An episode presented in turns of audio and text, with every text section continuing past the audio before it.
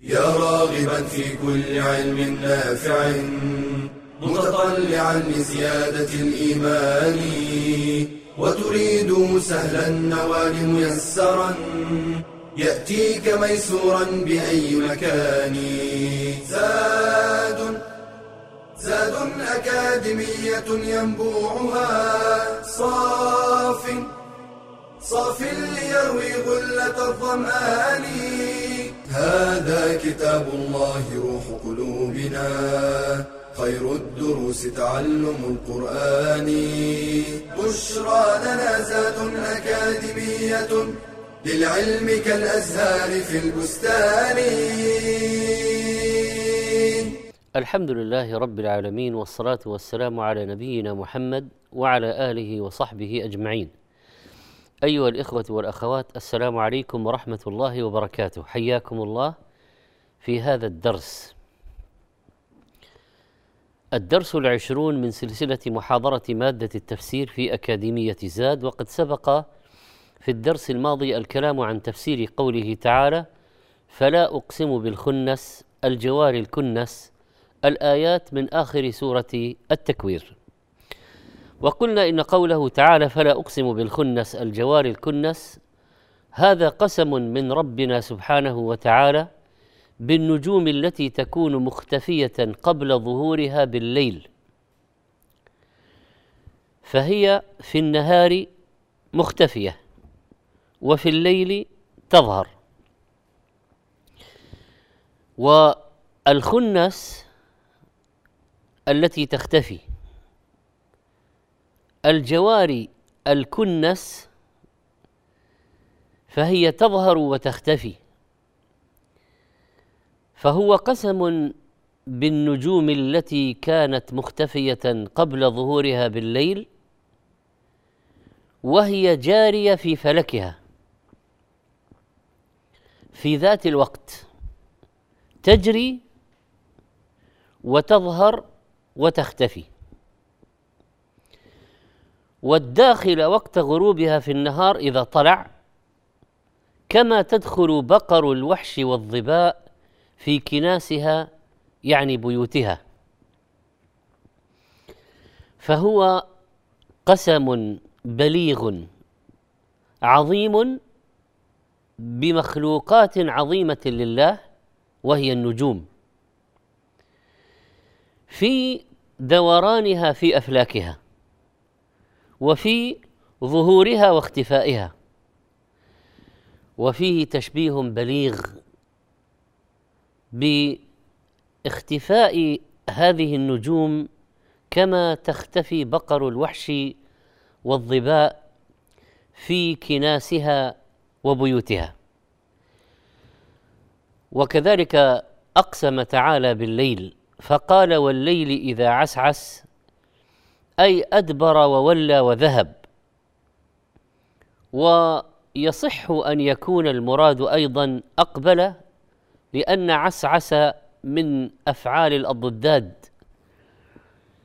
تطلق على الإدبار والذهاب وتطلق على الإقبال أيضا.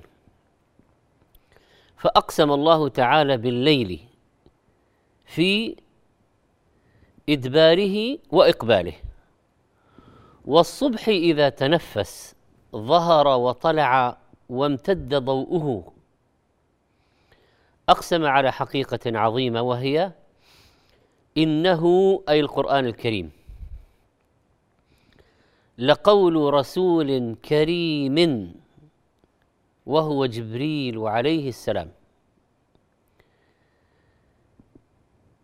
ذي قوة عند ذي العرش مكين فجبريل كريم على الله.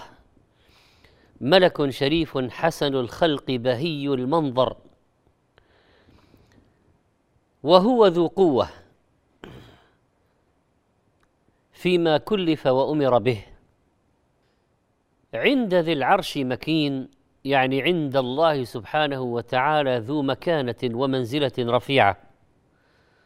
مطاع ثم يعني هناك في الملأ الأعلى عند الملائكة يطيعون أمره لأنه يبلغهم عن الله أوامره. اولا بأول أمين أي ذو أمانة فيما كلف به لا يزيد ولا ينقص ولا يتعدى ما حد له. أمين على وحي الله عز وجل. القسم هذا فلا أقسم بالخنس الجوار الكنس والليل إذا عسعس والصبح إذا تنفس إنه لقول رسول كريم ذي قوة عند ذي العرش مكين مطاع ثم أمين و لازلنا في جواب القسم لازلنا في المقسم عليه لازلنا فيما يريد الله تأكيده بالقسم. ما هو؟ وما صاحبكم بمجنون. اذا القسم هذا انتصار للقرآن وانتصار لنبي الرحمن عليه الصلاة والسلام. الذي اتهمته قريش اتهمه قومه بالجنون. فقال الله وما صاحبكم بمجنون؟ كما اتهمتموه فهذه فرية. وما صاحبكم بمجنون؟ وقد ذكر الله تعالى هذه الفرية في قوله وقالوا يا أيها الذي نزل عليه الذكر إنك لمجنون فانتصر الله للذكر وانتصر لنبيه. وكذلك قال الله عنهم في كلامهم أفترى على الله كذبا أم به جنة؟ وقالوا معلم مجنون. وانتصار الله لنبيه صلى الله عليه وسلم ودفاعه عنه في غير هذا الموضع في موضع آخر يشبهه أيضا فيه نفي هذا عن نبيه قال نون والقلم وما يسطرون ما أنت بنعمة ربك بمجنون وفي هذه الآية وما صاحبكم بمجنون هجوم الأعداء على الدعوة وحاملها. هجوم المكذبين على القرآن ومبلغه. إنه طعن في رأس هذا الدين من البشر لأنهم إذا أسقطوا الرأس سقط الباقي. فاتجهت العداوة والسهام إلى النبي صلى الله عليه وسلم. وتقولوا عليه الأقاويل. ولكن ربنا سبحانه وتعالى دافع عن النبي صلى الله عليه وسلم. وأنه أكمل الناس عقلا وأجزلهم رايا وأصدقهم لسانا وأحسنهم ادبا. موضوع الجنون هنا لماذا جاءوا به؟ كأنهم يقولون إن هذا القرآن وسوسة مجانين. ولكن القرآن في غاية الفصاحة والبلاغة تحداهم أن يأتوا بمثله. كيف؟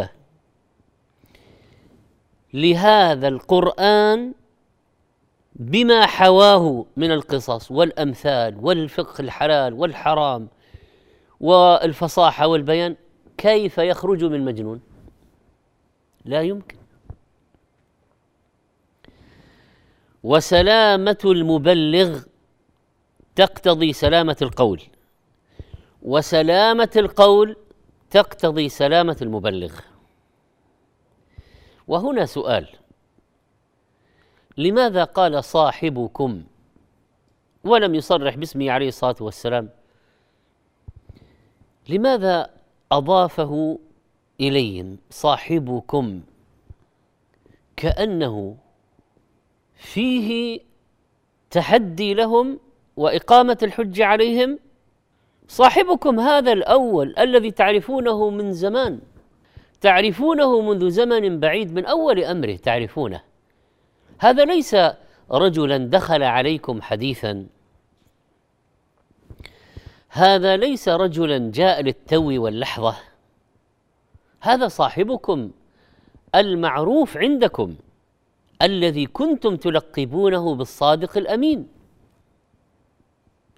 فجأة الآن صار مجنونا؟ فجأة اتهمتموه وكنتم تمدحونه؟ هذه أيضا فيها صاحبكم الذي يريد لكم المصلحة.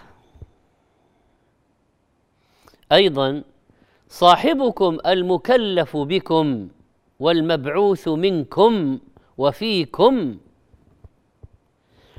صاحبكم تعرفون نسبه وتعرفون عقله وتعرفون صدقه وتعرفون أمانته من قديم.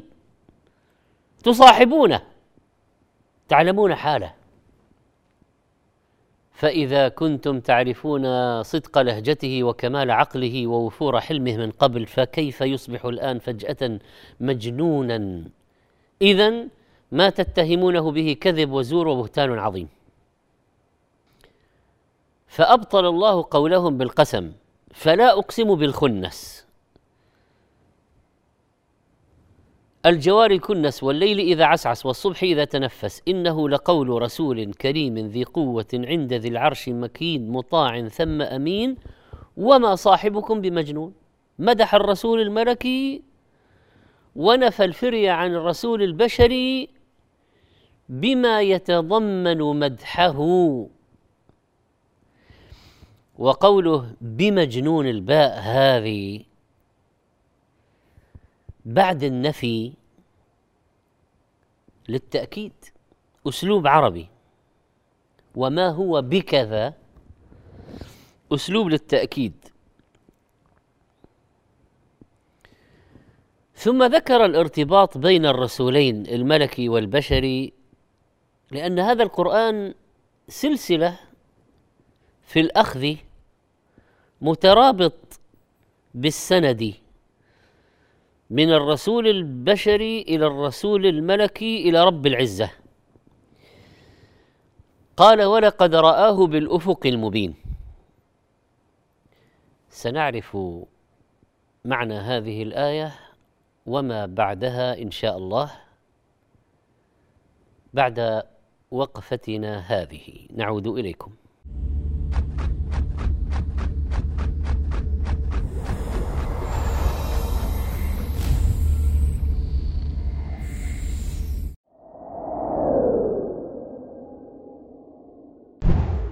ما يريد الله ليجعل عليكم من حرج ولكن يريد ليطهركم ولكن يريد ليطهركم وليتم نعمته عليكم لعلكم تشكرون. من رحمة الله تعالى بعباده الرخص لهم في المسح على الخفين والجوارب في الوضوء بدلا من غسل الرجلين وذلك بالمسح مرة واحدة أعلى الخف الأيمن باليد اليمنى وأعلى الخف الأيسر باليسرى. مفرجا أصابعه مبتدئا من أصابع رجليه إلى بداية ساقيه. يمسح على الخفين معا أو يبتدئ بالخف الأيمن ثم الأيسر. فالأمر في ذلك واسع بشرط أن يكون الخف طاهرا من النجاسة وأن يكون ساترا للقدم مع الكعبين. وأن يلبسهما على وضوء كامل ومدته يوم وليلة للمقيم وثلاثة أيام بلياليها للمسافر. يبدأ احتسابها من أول مسح بعد انتقاض الوضوء. فلو توضأ لصلاة الفجر مثلا ولبس الخفين ثم انتقض وضوءه الساعة التاسعة صباحا وتوضأ في الساعة الثانية عشرة ومسح على الخفين. فيبدأ احتساب المدة من الساعة الثانية عشرة لا من الساعة التاسعة ويكون المسح في الحدث الأصغر وأما الحدث الأكبر فيجب فيه الاغتسال الكامل ومن خلع خفيه أو انتهت مدة المسح فوضوءه صحيح ما لم ينتقض بناقض آخر. فإن أراد المسح مرة أخرى وجب عليه أن يتوضأ أولا وضوءا كاملا يغسل فيه قدميه ثم يلبس الخف ويراعي الشروط السابقة.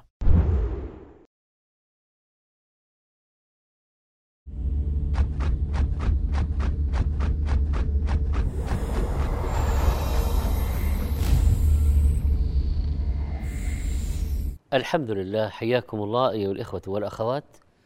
ونحن مع قوله تعالى ولقد رآه بالأفق المبين. يعني رأى محمد صلى الله عليه وسلم جبريل عليه السلام الذي أتاه بالرسالة من الله عز وجل رآه على خلقته التي خلقه الله عليها له 600 جناح. النبي صلى الله عليه وسلم رأى جبريل في عدد من المواضع وجبريل عليه السلام جاء بصفته الملكية كما خلقه الله وأيضا جاء على هيئة رجل كما في حديث أركان الإيمان. آه، هناك اذا آه، عدة آه، مرات التقى به فيها ولقد رآه في مرة من المرات رآه للأفق المبين. المبين البين الأفق حيث تطلع الشمس قبل المشرق. وعند الطلوع يكون الأفق من أوضح ما يكون. ولذلك اختار الله هذه اللحظة وهذا الوقت ليرى نبيه في الأرض رسوله في السماء. والأفق الفضاء الذي يبدو للعين من الكرة الهوائية بين طرفي مطلع الشمس ومغربها. من حيث يلوح ضوء الفجر وفي المقابل يبدو شفق الغروب. وهو يلوح كأنه قبة زرقاء. ولقد رآه بالأفق المبين رآه بين السماء والأرض. وهذه الرؤية هي المذكورة في قوله تعالى علمه شديد القوى ذو مرة فاستوى وهو بالأفق الأعلى ثم دنا فتدلى فكان قاب قوسين أو أدنى فأوحى إلى عبدي ما أوحى.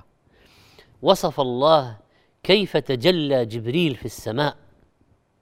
شديد القوى عليه السلام ذو مرة وجمال وشكل حسن فاستوى في السماء سد الأفق بستمائة جناح بالأفق الأعلى ثم دنا فتدلى فكان قاب قوسين أو أدنى فأوحى.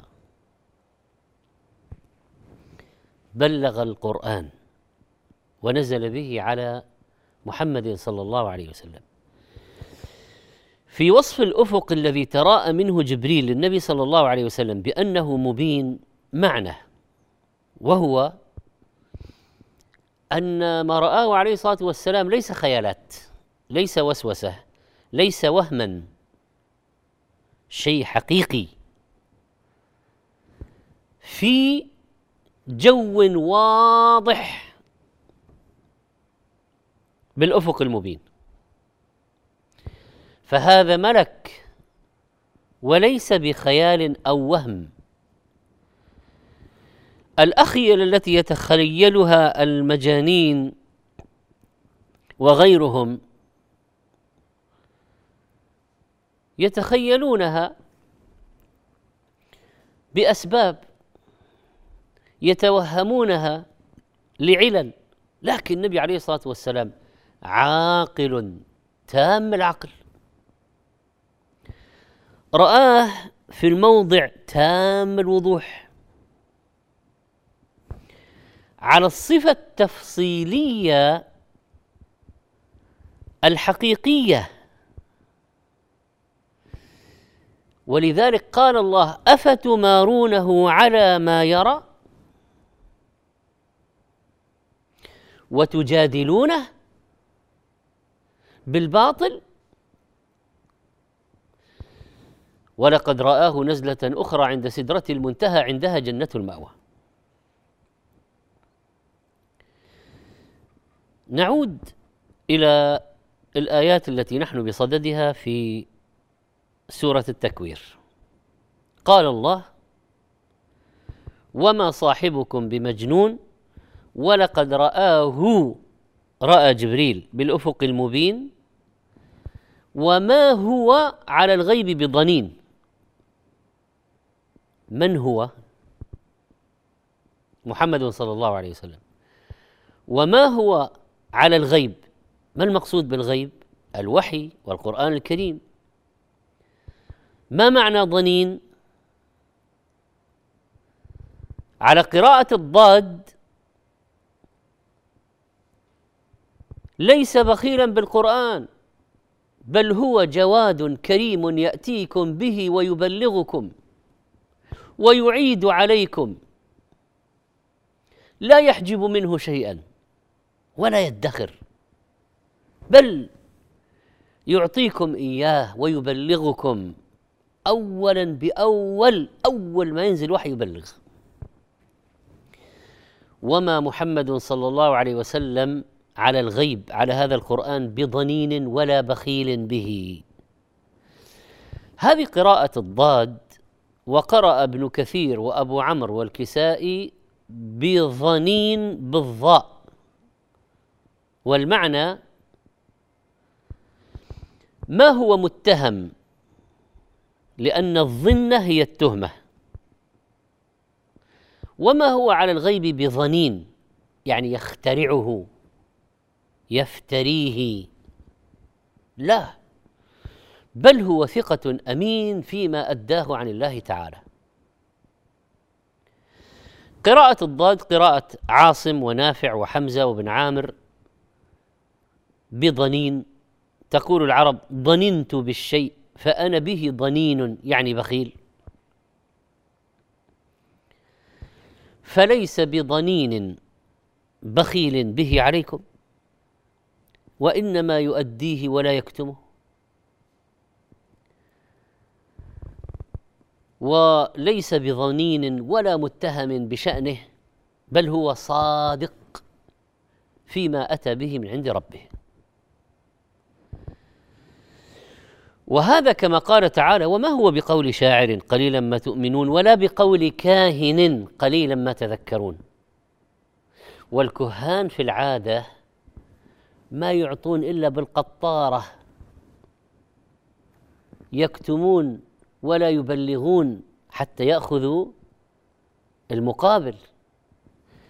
الكاهن لو أخذ شيئا من مسترق السمع من الشياطين من السماء ما يعطيه ما يعطي كل ما عنده بالقطارة حتى يأخذ على هذه وعلى الكلمة التي بعدها والكلمة التي بعدها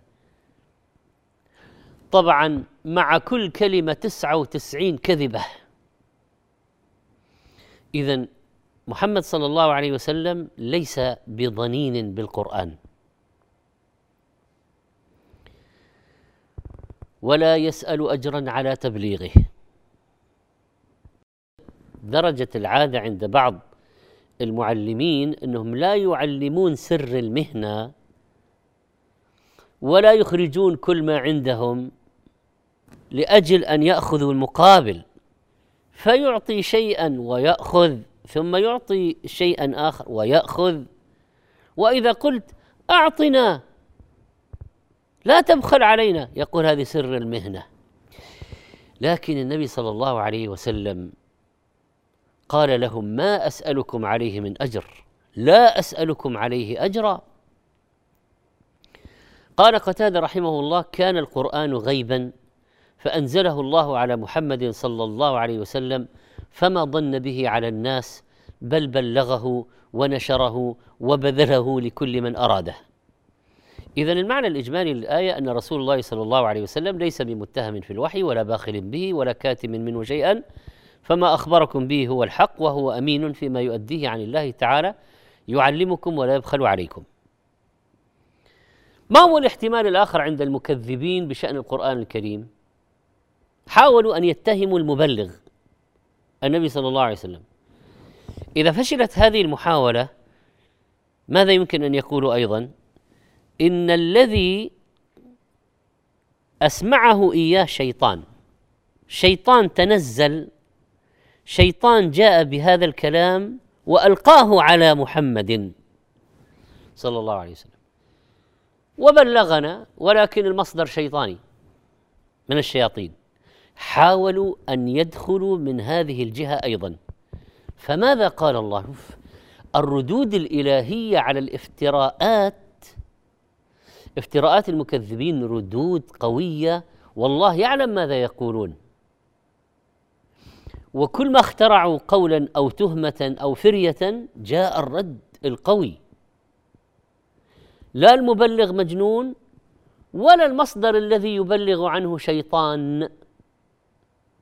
ولذلك قال الله وما هو بقول شيطان رجيم وسنعرف بعد قليل إن شاء الله تفسير هذه الآية.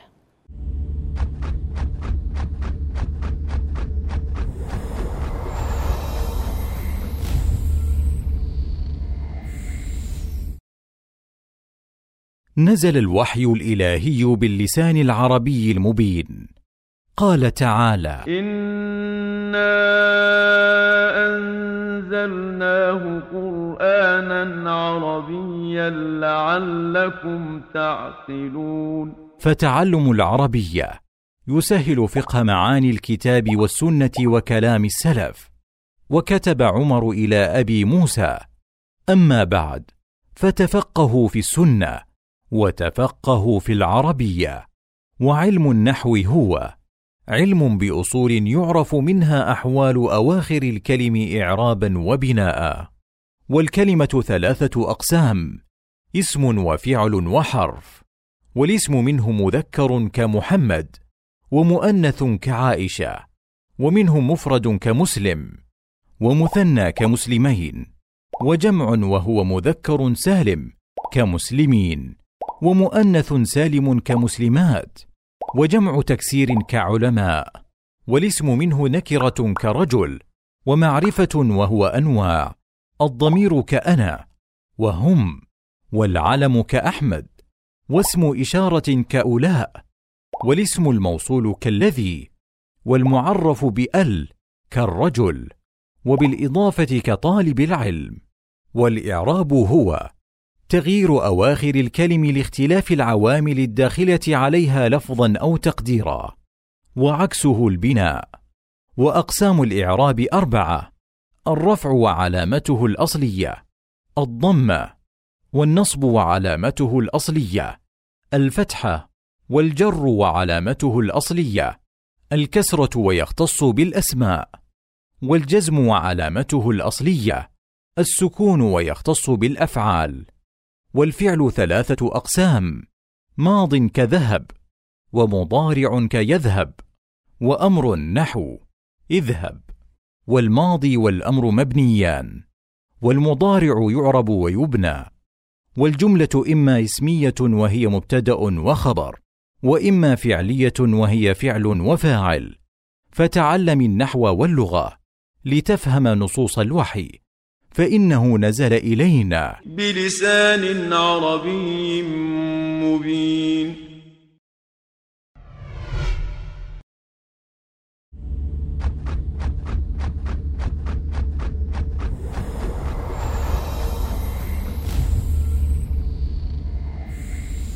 بسم الله.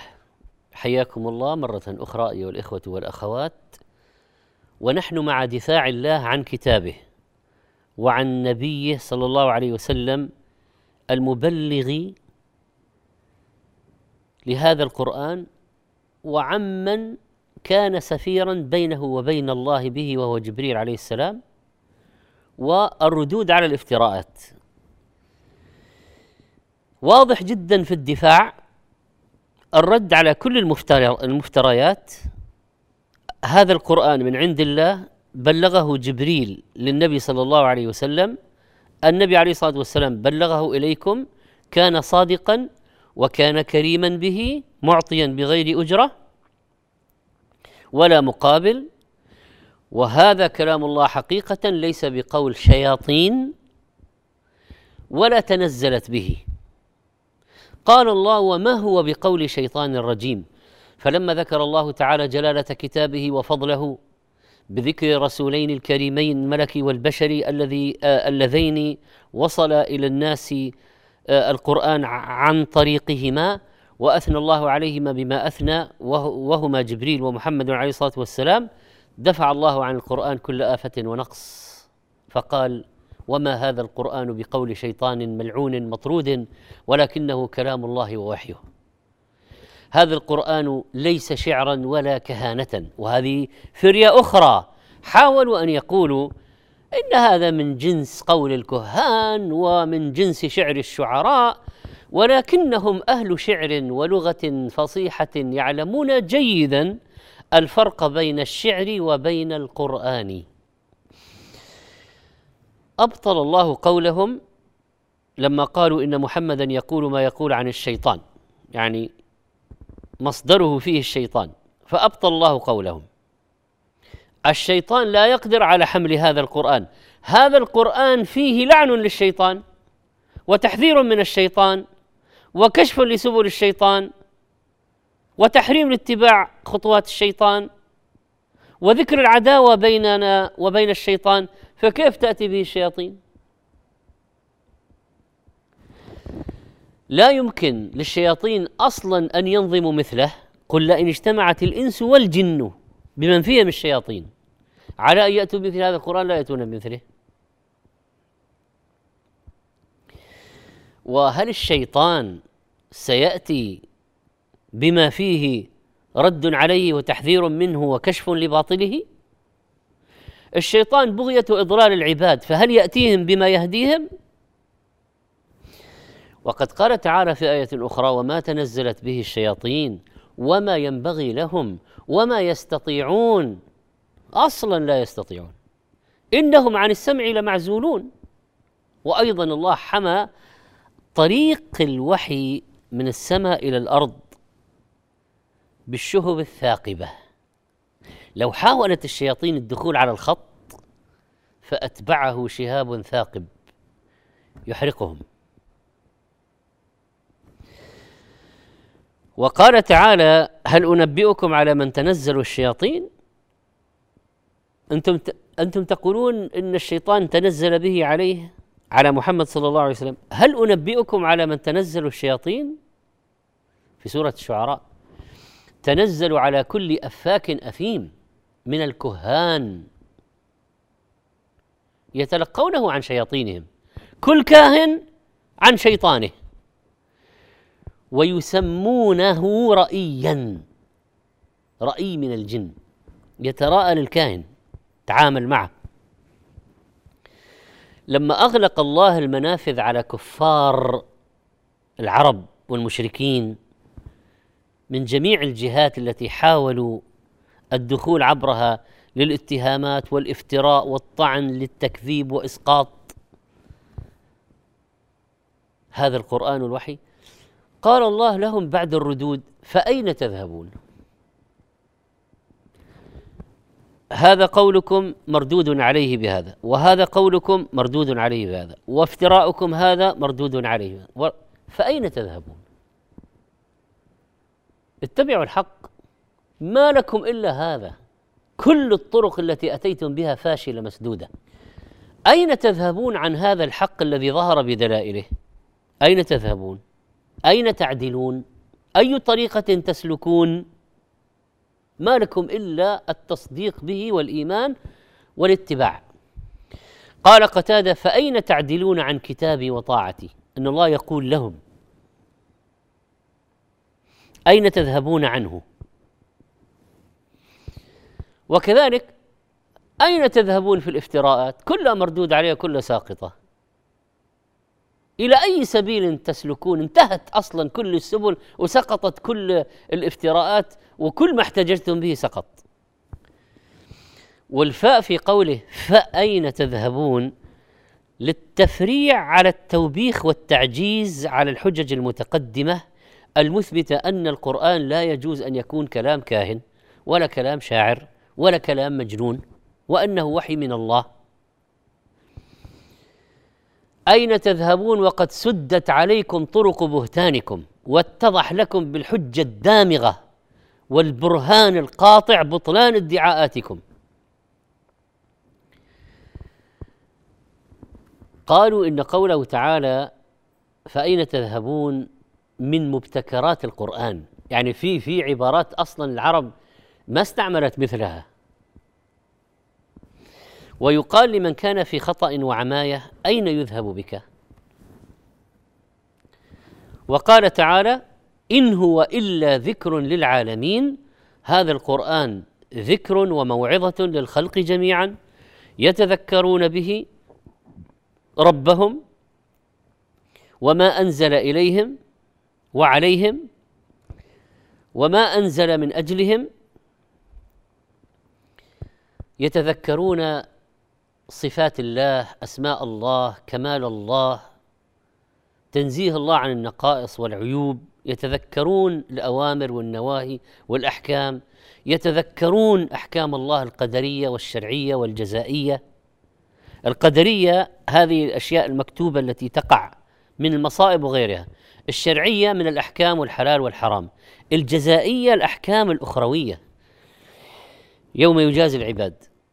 فاذا آه، إن هو إلا ذكر للعالمين يشتمل على ما فيه مصالح العباد في الدارين.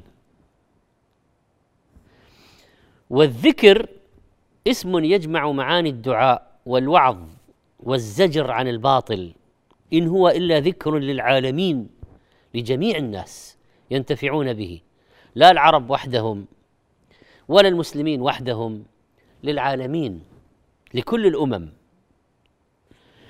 فيه صلاح اعتقاد وطاعة الله وتهذيب الأخلاق والآداب وحفظ الحقوق. للعالمين هذه دعوة عالمية من أول مرحلة منذ انطلاقها من مكة وهي عالمية. مع أن السورة مكية والرسول عليه الصلاة والسلام محاصر في قريش في مكة والله يقول للعالمين. لمن شاء منكم أن يستقيم لمن أراد الهداية. القرآن له من جاه نسأل الله سبحانه وتعالى أن يرينا الحق حقا ويرزقنا اتباعه وأن يرينا الباطل باطلا ويرزقنا اجتنابه وأن يجعلنا من المؤمنين بهذا القرآن. في الدرس القادم إن شاء الله نختم هذه السورة وندخل في السورة التي تليها. نسأل الله التوفيق. أستودعكم الله والسلام عليكم ورحمة الله وبركاته. يا راغبا في كل علم نافع متطلعا لزيادة الإيمان وتريد سهلا النوال ميسرا يأتيك ميسورا بأي مكان. زاد زاد أكاديمية ينبوعها صاف صاف ليروي غلة الظمآن. هذا كتاب الله روح قلوبنا. خير الدروس تعلم القرآن. بشرى لنا زاد أكاديمية للعلم كالأزهار في البستان.